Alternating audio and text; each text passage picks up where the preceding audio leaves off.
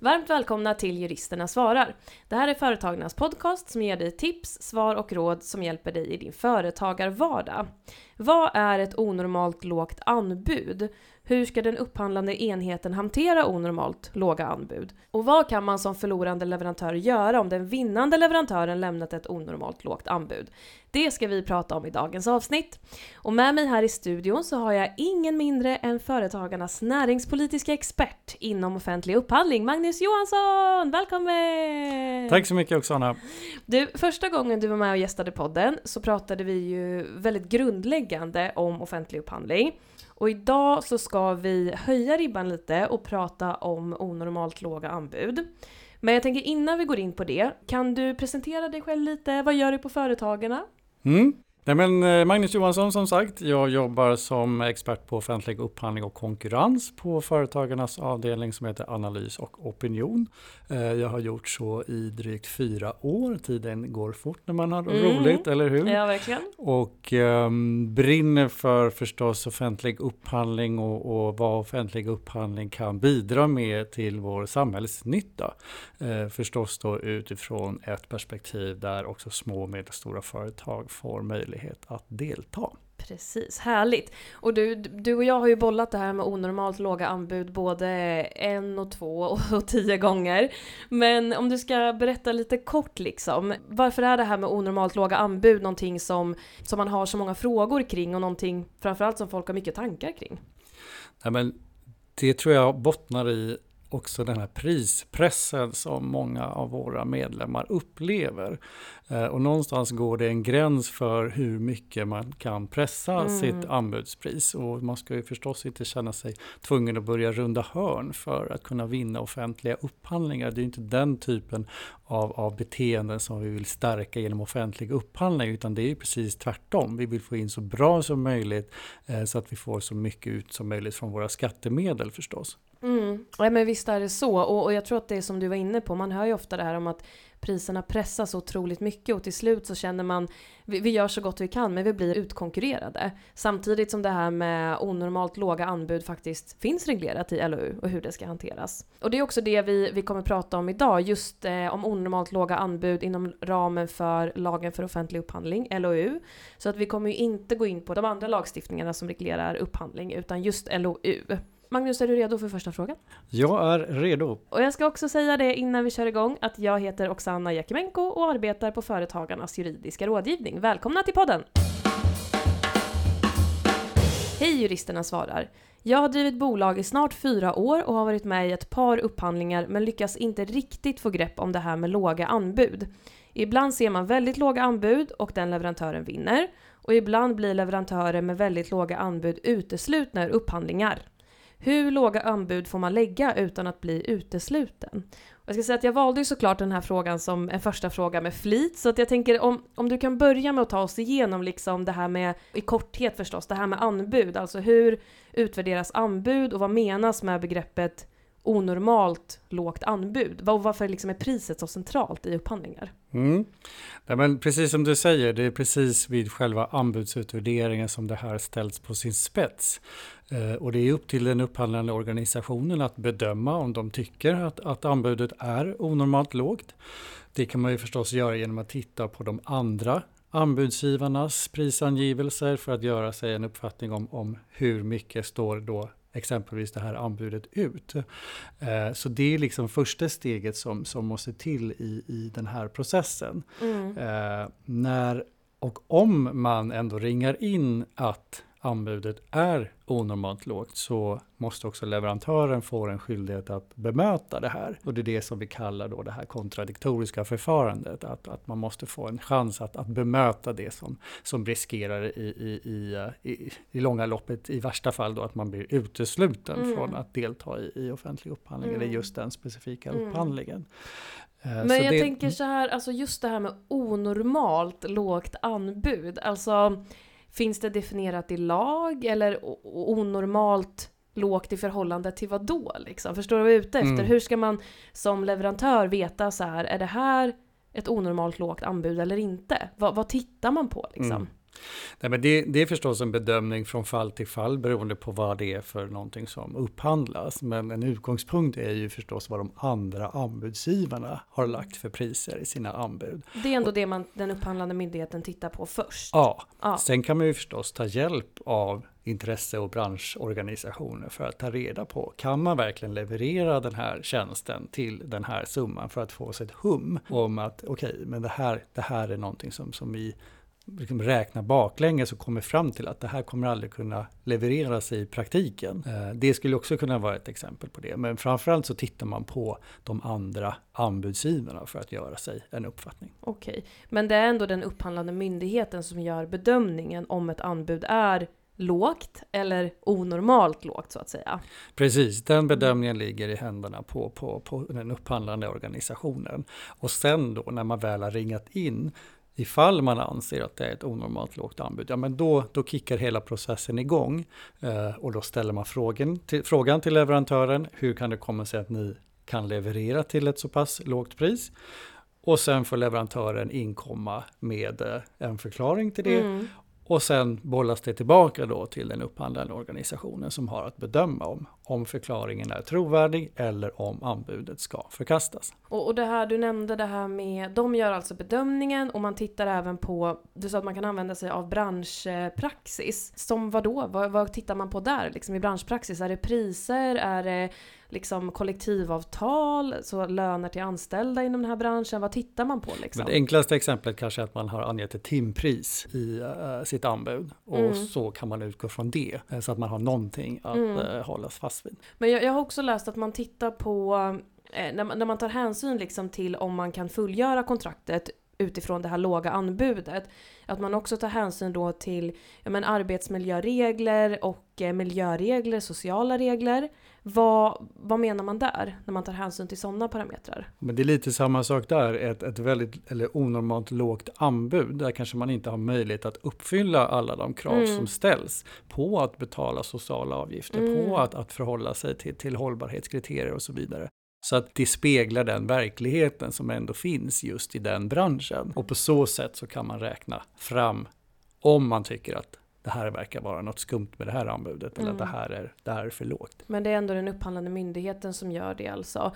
Men, men okej, okay, och så ska man då ge möjligheten till leverantören att förklara sig varför man har lämnat ett så här lågt anbud.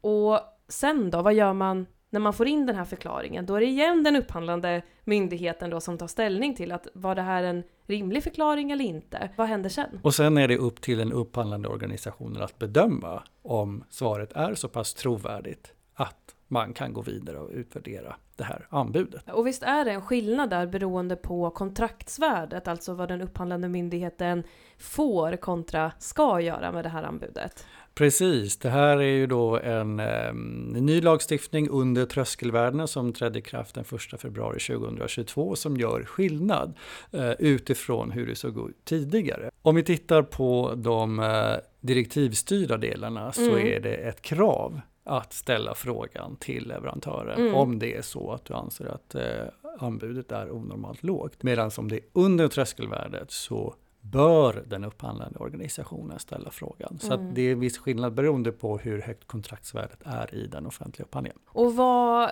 har du liksom reflekterat över det själv? Du kanske vet svaret, det här med skillnaden just bör och ska. I praktiken får ju det en jättestor skillnad. Alltså bör fråga, ska fråga. Vad, eh, vet du varför det är så? Ja, men om man går in och tittar på de bakomliggande skälen till varför man lättade upp mm. ska till bör så uh, pratar man mycket om, om de upphandlande organisationernas egna ansvar. Alltså att man, man behöver inte lagtekniskt tvinga dem att göra saker, men att det ligger ändå i deras intresse att se till att vi inte får in leverantörer som, som uh, prisdumpar eller vad det mm, kan tänkas mm. vara.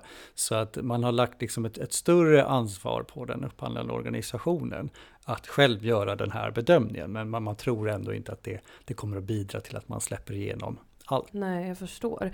Men så att vad liksom... Man gör som sagt en bedömning ofta utifrån de andra anbuden som kommer in och det är den upphandlande organisationen som gör bedömningen.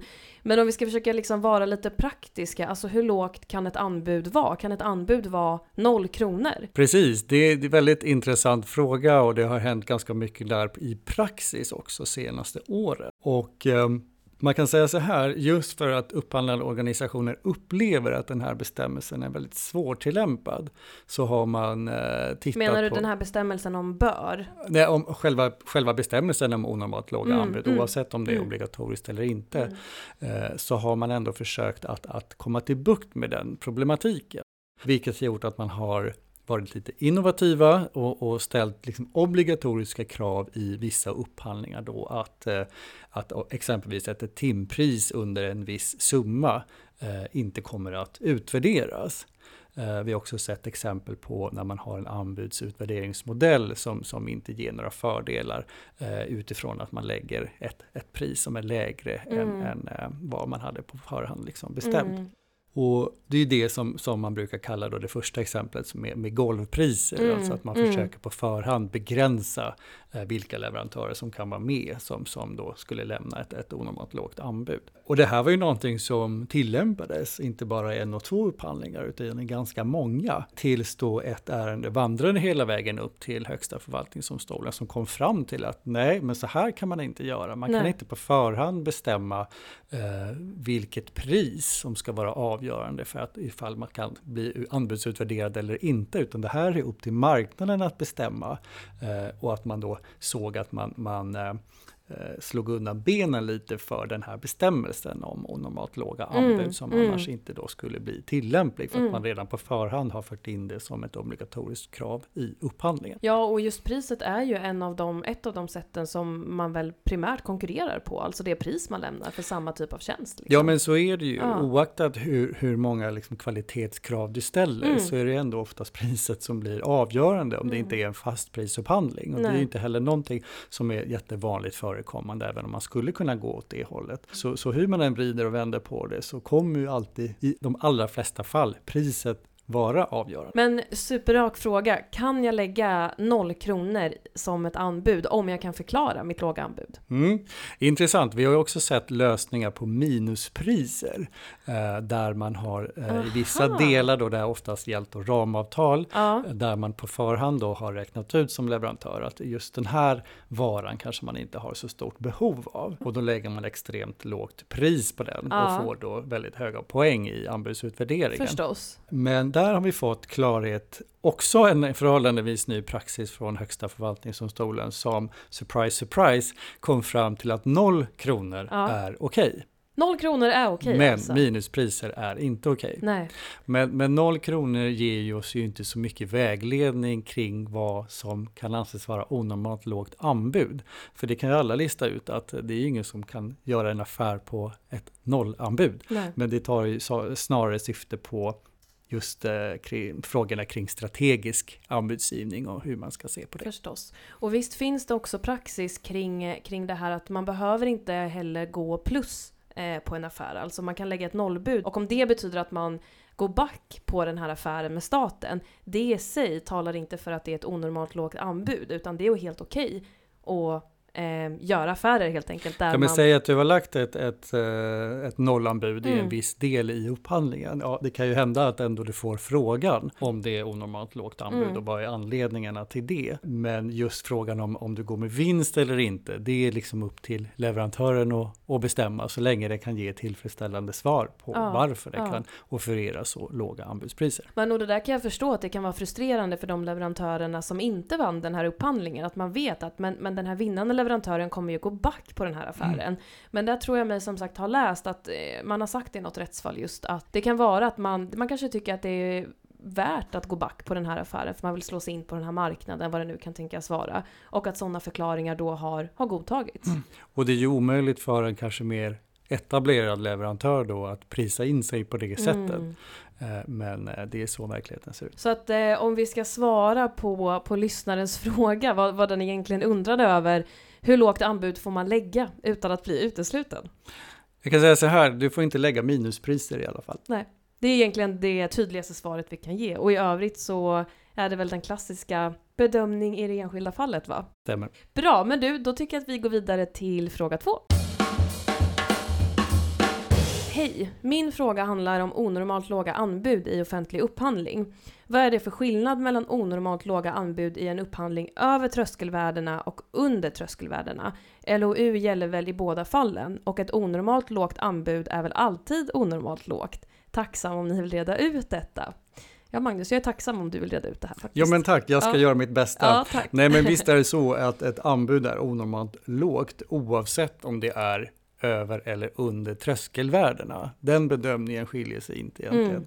Eh, utan vad som skiljer sig är ju det vi var inne på tidigare, det här med är det över tröskelvärdena, då är det obligatoriskt att ställa frågan till leverantören om det är så att den upphandlande organisationen har ringat in att det är ett onormalt lågt anbud. Medan som det är under tröskelvärdena så eh, finns det ingen skyldighet att göra en sån bedömning. Och kan du bara kort berätta, vad, de här tröskelvärden, du nämnde det i förra frågan, men kan vi liksom tydliggöra hur bestäms tröskelvärden och vad, vad är det för någonting liksom? Ja, nej men tröskelvärdena fastställs ju från EU-håll eh, då och det är klart EU är inte intresserad av alla kontrakt som ingås i hela EU utan det ska ju vara ett kontrakt av ett visst beloppsvärde. Och det ser lite olika ut beroende på vilken upphandlande organisation det är. Eh, Men, som leverantör behöver man inte hålla full koll på eh, vilka regler det är som gäller. För det framgår ju alltid i eh, upphandlingsdokumentet, eller det Mm. ska framgå. Om det är så att det är någonting som, som ska beaktas. Och som vi sa, där är det alltså en skillnad, eller vi, som du sa faktiskt, att där är det en skillnad då, ska och bör. Och om, om vi tänker då en upphandling över tröskelvärdena, där ska den upphandlande organisationen ifrågasätta. Men processen är då densamma. Först så identifierar de ett onormalt lågt anbud och då ska de ifrågasätta och då ska leverantören få möjlighet att besvara, eller hur? Precis, och då är vi tillbaka till det här kontradiktoriska. Att, att eh, man måste som leverantör få en chans att bemöta det som den upphandlande organisationen har ringat in. Här är det också viktigt att den upphandlande organisationen är tydlig med vilka frågor som de vill att leverantören ska svara på. Så att man inte bara skickar en, en, en svepande eh, fråga till leverantören utan att man, man ber verkligen leverantören förklara hur Mm. det kan komma sig att man har offererat ett så pass lågt Mm. anbud. Och sen då så, så bollas frågan tillbaka till den upphandlande organisationen som har då att besvara, är det så att de kan godta den här förklaringen eller är det så att de fortfarande bedömer att nej, det här är, det här är för onormalt lågt eh, och då ska ju då leverantören uteslutas. Nej men precis, och där, där sa du något. Jag tänker att eh, som ett medskick om det är någon på liksom upphandlingsenhet eller sådär som lyssnar, så att hur man utformar sina frågor, att det är viktigt. Kan du ge något liksom tips på hur man från upphandlande enhetshåll eller upphandlande organisationshåll ska, vad man ska tänka på när man ställer sina frågor kring ett onormalt lågt anbud? Ja, det är egentligen enklare utifrån de direktivstyrda bestämmelserna Mm. för, för i den paragrafen så framgår det vilka delar som kan vara bra att ställa frågor kring. Mm. Eh, Det kan ju vara allt från hur man har, eh, vilka kostnadseffektiva metoder har man Mm.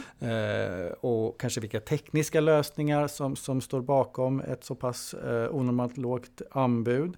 Att man förklarar också hur tjänsten kommer att utföras, vad är det för typ av tjänst och så vidare.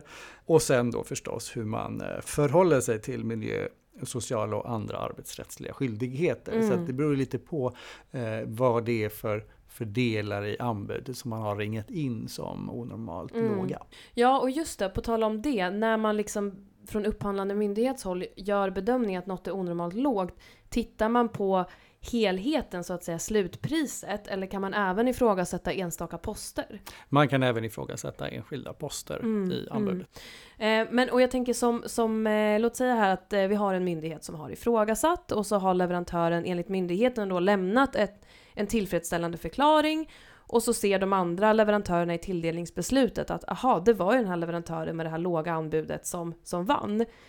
Har man då som inte vinnande leverantör rätt att få ut den här förklaringen som den vinnande leverantören har lämnat? För det kan ju vara superintressant för, för många känner ju till varandra i branschen och sådär. Så ofta vill man ju som eh, veta vad, vad lämnade de för förklaring som myndigheten godtog? Mm. Har man möjlighet att få ut det på något sätt? Jo, utgångspunkten när man har avslutat en upphandling är ju att den absoluta sekretessen lyfts. Eh, och det innebär ju också att du har en möjlighet att begära ut den här förklaringen som du sen då skulle kunna använda dig av för att argumentera för varför den upphandlade organisationen borde ha uteslutit mm, den här mm. leverantören. Så mm. det är ju någonting som du eh, kan begära överprövning kring och peka på att eh, den upphandlande organisationen har gjort en felaktig bedömning helt mm. enkelt. Ja, och det känns ju nästan som en, ska man, ha, ska man ansöka om överprövning just i, i det momentet så är ju det här, den här förklaringen liksom en grundpelare för att kunna argumentera kring att det här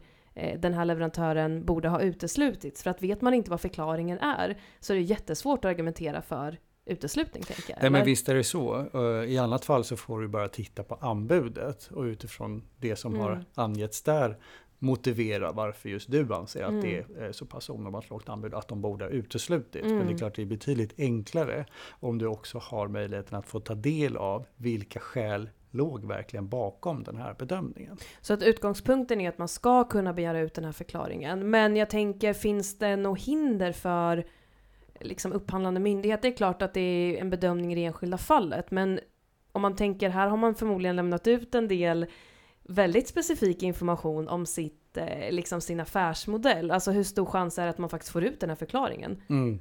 Nej men visst, vi får inte glömma bort att det finns sekretessregler också ja. som, som kan innebära att affärsmöjligheter och annat kan sekretessbeläggas.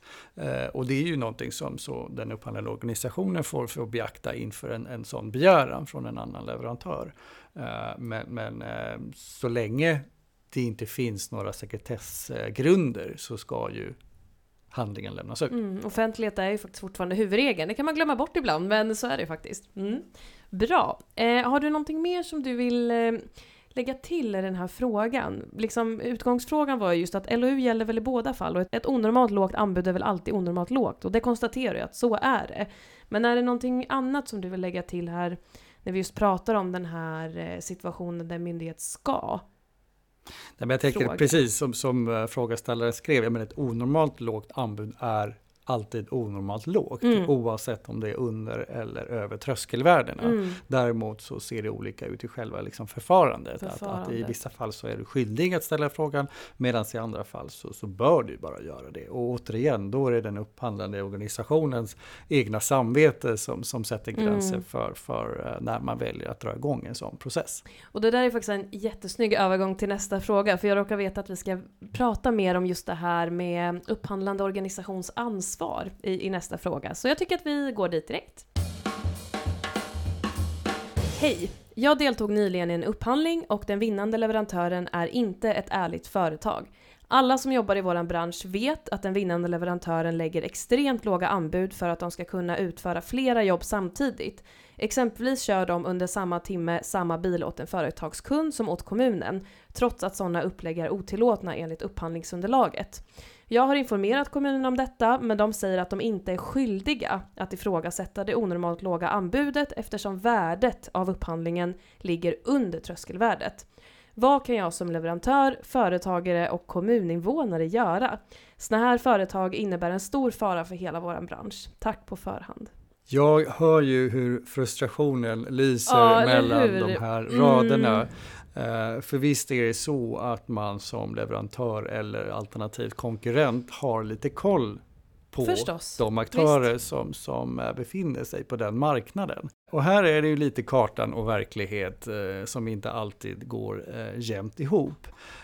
en upphandling kan ju se fantastisk ut på pappret men brista i själva utförandet av det uppdrag som man då har ingått. Eh, och här gäller det ju återigen att ehm, eh, ta väldigt liksom, seriöst på den här frågan om att följa upp de avtal som man de facto har ingått för att se till att det inte blir en oschysst konkurrens mm. som gör kanske att det hade varit en annan leverantör som bättre hade kunnat utföra den här tjänsten men hade kanske inte möjligheter att, att prispressa sig så lågt då som, som den leverantören som vann. Eh, och det här lyfter ju liksom många aspekter. Dels hur man som då offentlig beställare ska förhålla sig till schysst konkurrens. Vad man kan göra för att se till att eh, också tilliten till det offentliga ökar eh, och att man har liksom en, en, eh, en seriös leverantörsuppföljning mm. och kontraktsuppföljning. Eh, för att Annars så riskerar ju att, att upphandlingen blir liksom bara ett, ett slag i luften. Alltså det är någonting, det är en process som, som genomförs och sen så har man egentligen ingen aning om hur faktiskt arbetet utförs. Så, så um, det är någonting som, som många offentliga beställare bör lägga större fokus vid. Eh, speciellt ska jag vilja säga om det är en upphandling med väldigt låga anbudspriser. För, för någonstans så, så eh, kanske leverantören måste ta igen det här låga anbudspriset på något annat sätt. Ja. Och vi har ju sett fall av liksom överfakturering och, och, och annat. Eh, så här gäller för, för de upphandlande organisationerna liksom att ta sitt ansvar eh, och, och, städa undan sånt som, som eh, liksom gör att det mm. blir oschyssta villkor helt enkelt på den specifika marknaden. Så att eh, här finns ett stort jobb att göra mm. kring avtalsuppföljning. Ja, och jag tänker, jag, jag tycker mig kunna liksom utläsa från den här frågan också att här eh, leverantören, liksom lyssnaren här, har identifierat att det här är ett onormalt lågt anbud. Men kommunen säger att de inte har skyldighet att ifrågasätta, alltså att de inte att de inte verkar tycka att det är ett onormalt lågt anbud. Och då kommer vi in på det här just med den upphandlande organisationens ansvar, att om de inte ens har ringat in att de tycker att det här anbudet är onormalt lågt, men man som konkurrent ser att det är självklart att det här är onormalt lågt, vad, vad gör man då? För här stämmer det ju, de har inte en skyldighet att ifrågasätta, för det här är under tröskelvärdena. Mm. Förstår du vart jag är på väg? Liksom? Vad, vad gör man? Nej men absolut, vilka rättsmedel har man vad, till exakt. förfogande? Precis, det är uppenbart för, för mig. För ponera men... att, att eh, det finns fortfarande möjlighet att begära överprövning ja. i, den här upphandlingen. Eh, så är det ju så, det här är ju också den stora skillnaden mellan den direktivstyrda och icke-direktivstyrda delen. Att eh, har man initierat ett förfarande under eh, tröskelvärdena eh, och har gjort en bedömning och, och, kommit fram till ett beslut, ja men det är ju ett beslut som du också då kan vända dig mot mm. i en överprövning. Mm.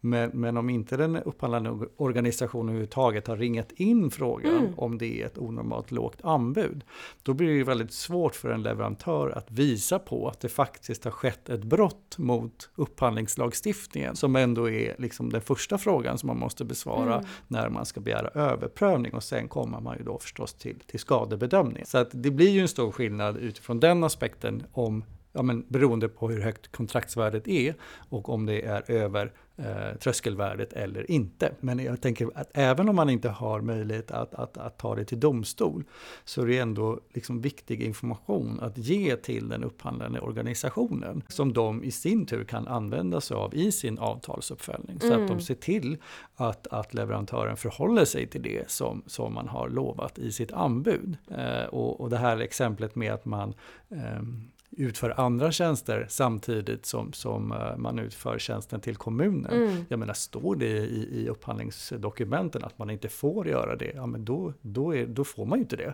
Eh, men, men återigen, det, det, det krävs att man har en avtalsuppföljning eller pigga konkurrenter mm. som har koll på de här frågorna. Mm. För att det är klart att det är ju också någonting som är förhållandevis tidskrävande att, att följa upp. Eh, och vissa delar kanske man måste följa upp eh, liksom ute i verkligheten. Det gäller, mm. Man kan inte bara sitta på, på sitt kontor och, och, och få in liksom, eh, iakttagelser utan man, man måste vara mer aktiv än så i vissa branscher. Mm. Men låt säga här att eh, om det här faktiskt hade varit över tröskelvärdena och man har ifrågasatt det låga anbudet och sen fått en, en tycker den upphandlande organisationen, vettig förklaring till varför det är onormalt lågt och så har man gått vidare och tilldelat eh, upphandlingen den här leverantören. Om en leverantör som inte vann vill överpröva det här, är det då leverantören som ska bevisa att det här är ett onormalt lågt anbud eller ska den upphandlande myndigheten bevisa att det inte är det? Nu är vi inne på liksom lite så basic juridik, men kan du liksom ta oss igenom Nej, bevis, eh, bevisfrågorna? Ja, och den kan ju också hoppa delvis kan jag mm. säga för att komplicera till det ytterligare. Men huvudregeln vi älskar, är ju Vi älskar juridik, så spännande. Precis, mm. huvudregeln är ju att när du begär överprövning som leverantör, jag menar då åligger ju då bevisbördan på dig för att visa att det skett någonting fel mm. i upphandlingen. Eh, men när då leverantören har bevisat det här eller liksom gett in de omständigheterna som, som leverantören anför, ja, men då är det upp till den upphandlande myndigheten då att, att bedöma, nej men det här stämmer inte eller det här stämmer inte. Så det kan hoppa, men, men såklart är ju bevisbördan på leverantören, mm. inledningsvis i vart fall, för att bevisa att någonting har skett i strid med upphandlingslagstiftningen. Kan du ge något exempel på bra och dålig argumentation när man säger när man ska bevisa att ett, eh, eller bra och dålig bevisning när man ska styrka att ett anbud är onormalt lågt? Mm. Nej, men jag tänker att en bra bevisning, mm. det är mm. ju när man kan verkligen visa på att det här är inte rimligt. Liksom. Uh, och vi var inne på det liksom inledningsvis också. Räkna baklänges. Sätt timpriset och så lägger du på alla pålagor som ska till. Mm. Uh, och kommer du då fram till, till att det här den här kalkylen håller ju inte helt enkelt. Ja, men då kanske du har ett bra case att, att driva i domstol. Men, men äh, återigen, det, det, är ju inte helt enkelt att, att kunna bevisa att äh, den upphandlande organisationen har gjort en felaktig bedömning eftersom mm. du inte alltid vet vad det är som den upphandlande organisationen har bedömt. Säg att du inte får ut den här förklaringen. Till, det är sekretessbelagt ja, för det är affärshemligheter. Då eh, ja. famlar du lite i mörkret ändå. Men, men då får man liksom utgå från, från verkligheten ja. och uh, helt enkelt räkna baklänges för att se, går det här överhuvudtaget ihop? Har du något exempel på lite sämre bevisning? Alltså någonting som, som du upplever att man som leverantör tycker, men jag har ju det här, men, men så är du liksom i egenskap av jurist och expert på offentlig upphandling. För dig så låter det här som att, nej men det här kommer inte hålla. Nej, men det är ju mycket liksom tyckande som, mm. som man inte kan kanske understödja med någon typ av liksom objektivt bevis. Det är väl kanske det vanligaste felet, att man, man bara skriver att man tycker att det är felaktigt och, och kanske hänvisar då till eh, det anbud som man själv har lagt in mm. då, som, som har ett, ett högre anbudspris.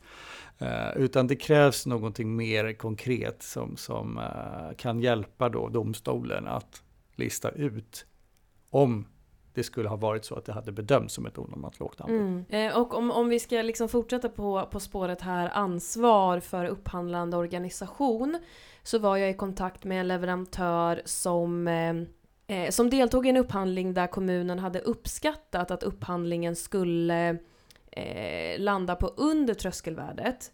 Men den här leverantören hade begärt ut tidigare fakturor och, och, såg att i tio års tid så har man i princip alltid, i slutändan så har de här upphandlingarna alltid landat på över tröskelvärdet. Eh, och det gjorde ju honom förstås frustrerad, men här hade ju kommunen uppskattat att äh, men, den här gången kommer det landa på under tröskelvärdet. Men som sagt, vad, vad kan man göra i en sån situation? För där åligger det igen ett ansvar på den upphandlande organisationen, men som leverantör han blev ju förstås frustrerad för att han tänkte att men här måste ni ifrågasätta. För att det här kommer ju i slutändan landa på över tröskelvärdet. Mm. Men de sa att nej, inte enligt våran uppskattning. Inte i år heller. Inte i år heller, trots att det är liksom Förstår du vad jag menar? Va, ja. Vad gör man i ett sånt läge? Ja, men vad gör man i ett sånt läge? Man kan ju säga så här att, att själva liksom uppskattningen av kontraktsvärdet, det är ju någonting som den upphandlande organisationen själv bestämmer eh, utifrån då tidigare inköpsvolymer och så vidare.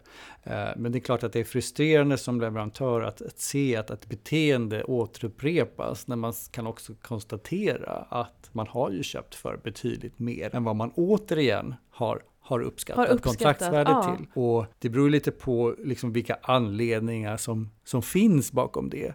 Men jag tänker det blir också väldigt svårt för, för en leverantör liksom att, att angripa det. För, för vad som händer då är ju att den upphandlande organisationen bara säger att ja men det må vara så, men den här gången kommer vi inte att köpa då, över då kontraktsvärdet. Så att det, det, det blir en otroligt spekulativ överprövning ska jag vilja mm, säga som, mm. som kan vara väldigt svårt att, att eh, mm. vinna. För då måste man också visa på något sätt att det här är ett, ett återkommande beteende och um, det kanske inte alltid är så lätt. Nej.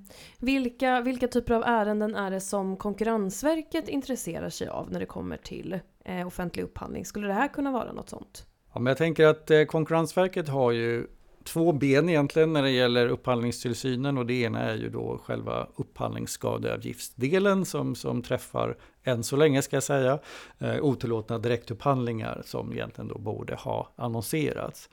Eh, men sen finns det ju även då det andra benet som är med liksom tillsyns verksamheten i Mm. övrigt, förutom då att, att bevaka otillåtna direktupphandlingar, där man kan kritisera olika typer av, av beteenden. Och eh, där faller ju egentligen allt in som inte faller in under en otillåten direktupphandling. Mm. Och sen får ju då Konkurrensverket bedöma om det är någonting som eh, passerar deras prioritetsordning och därefter då i sådana fall går mot ett tillsynsbeslut som riktar då kritik mot den upphandlande Mm. organisationen. Enligt din erfarenhet, vad, vad, för liksom, vad för typ av situationer är det Konkurrensverket brukar ta på, ta på sig utreda? Liksom? Hur ska man som leverantör tänka att så här, är det här inte värt? Eller jo, men här kan det faktiskt finnas något som Konkurrensverket kan vara intresserad av. Men jag tänker framförallt så ska det ju vara någonting som är marknadspåverkande. Eh, Men det ska också vara någonting som eh, kan användas som vägledande.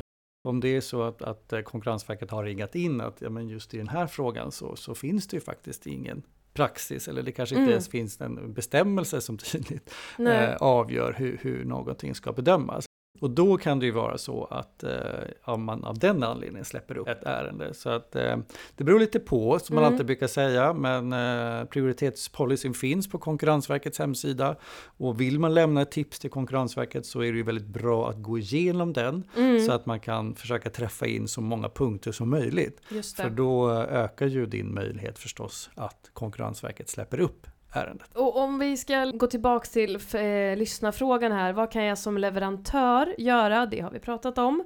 Alltså i det här ärendet där, man inte, där kommunen inte ens har ifrågasatt det här låga anbudet. Men så skrev han också, vad kan jag som företagare och kommuninvånare göra? Har du några tips där i såna här ärenden? Ja, men jag tänker att eh, förutsatt att medlemmen är eh, med i Företagarna Mm. så eh, kan vi göra mycket om inte annat i form av att vi eh, uppmuntrar och besöker upphandlande organisationer för att prata om sådana här frågor. Allt från hur hur man ska göra bättre upphandlingar till hur man ska släppa in fler leverantörer och framförallt också hur man ska förhålla sig till en sund konkurrens Mm. och vad har man för ansvar som, som beställare i de här frågorna. Eh, och det är ju om vi liksom lyfter blicken och tittar mer generellt på liksom offentlig upphandling som ett samhällsfenomen så är det ju mycket som, som eh, den offentliga upphandlingen kan bidra med. Och det har ju aldrig funnits en tanke bakom att, liksom att, att upphandlingen ska istället ses som ett sätt att liksom utnyttja systemet för att komma åt ett offentligt kontrakt. Utan vi får inte glömma bort att liksom upphandlingslagstiftningen är ju en leverantörsskyddande lagstiftning just för att skydda mot jäv och korruption och, Mm, och andra mm. oegentligheter. Så, så i grunden är det ju liksom någonting positivt för leverantörer. När jag ställer den frågan till, till våra medlemmar så kanske det inte är så jättemånga som, som upplever det som jätteglatt, utan man upplever det som, som komplicerat och, och krångligt och tar mycket tid. Eh, och det gör det ju också, det kan vi ju också se i den eh, undersökning som vi publicerade för, för några veckor sedan på vår hemsida, Mm. just hur småföretag eh, uppfattar offentlig upphandling. Aha! Och man kan ju konstatera att deltagandet har ökat, men ungefär hälften av alla tillfrågade anser att det fortfarande är för krångligt. Hälften! 50% av alla till, det är, det är många. Det är många leverantörer. Som tycker att en lagstiftning som ska vara skyddande för leverantören är för krånglig. Mm. Hmm. Men för att eh, liksom avrunda undersökningen på Ja. en lite mer positiv Ja, not, det gärna. är ju att eh, det är ändå fler leverantörer som kan tänka sig vara med i Ja. en ny upphandling än sådana då som har valt att ställa sig utanför. Bra, det är alltid bra att avrunda med någonting positivt. Så är det. Och det här var faktiskt eh, den sista frågan i det här avsnittet. Men jag tänker att innan jag släpper iväg dig Magnus, har du något... Eh, nu har det ju redan kommit massa bra tips och sådär, men har du någon liksom sista slutkläm, något tips, något medskick, något råd till leverantörer, små och medelstora företag när det kommer just till offentlig upphandling och kanske särskilt onormalt låga anbud? Nej, men jag tänker att håll ögonen öppna. Eh, kolla på dina konkurrenter. Vad är det för arbete de utför och hur gör de det? Och eh, hjälp den upphandlande organisationen att hitta de här leverantörerna som, som eh, inte kanske ägnar sig åt det endast som de borde ha gjort. Eh, och framförallt inte uppfyller de krav som de ändå har tecknat under i sitt Mm. anbud att de ska göra. För jag tror att, att som leverantör så, så har man bättre kännedom om marknaden än vad man har från beställarhåll som har om man då tar exemplet med en kommun, så, så eh, är det ju så otroligt många olika typer av upphandlingar som, som genomförs att det kan vara svårt att ha, ha den marknadskännedomen. Mm. Så jag tänker att som leverantör, hjälp till. Och eh, var liksom inte rädd för att kontakta den upphandlande organisationen om det är någonting som du har upptäckt som inte stämmer.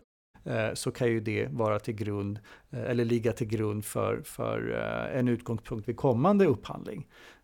Om det är så att man märker att någonting måste skruvas på mm, exempelvis mm, i, mm. upphandlingsdokument. Härligt, tack för det. Och som medlem i Företagarna kan du utan extra kostnad ringa till mig och mina kollegor på den juridiska rådgivningen och få personlig hjälp. Du når oss på telefon 0771 45 45 45. Klippningen är gjord av Petra Thieu och producent är David Hagen. Stort tack igen till dig Magnus för att du tog dig tid att gästa podden. Tack så mycket. Och vi, vi hörs igen om två veckor. Tack för att du har lyssnat. Hej då! Då! Säg hej då för fan! Säg hej då! Nej men, eh, hur var den där? Ja men det blev väl bra. Jag tycker att vi fick med allting. Ja det tycker jag.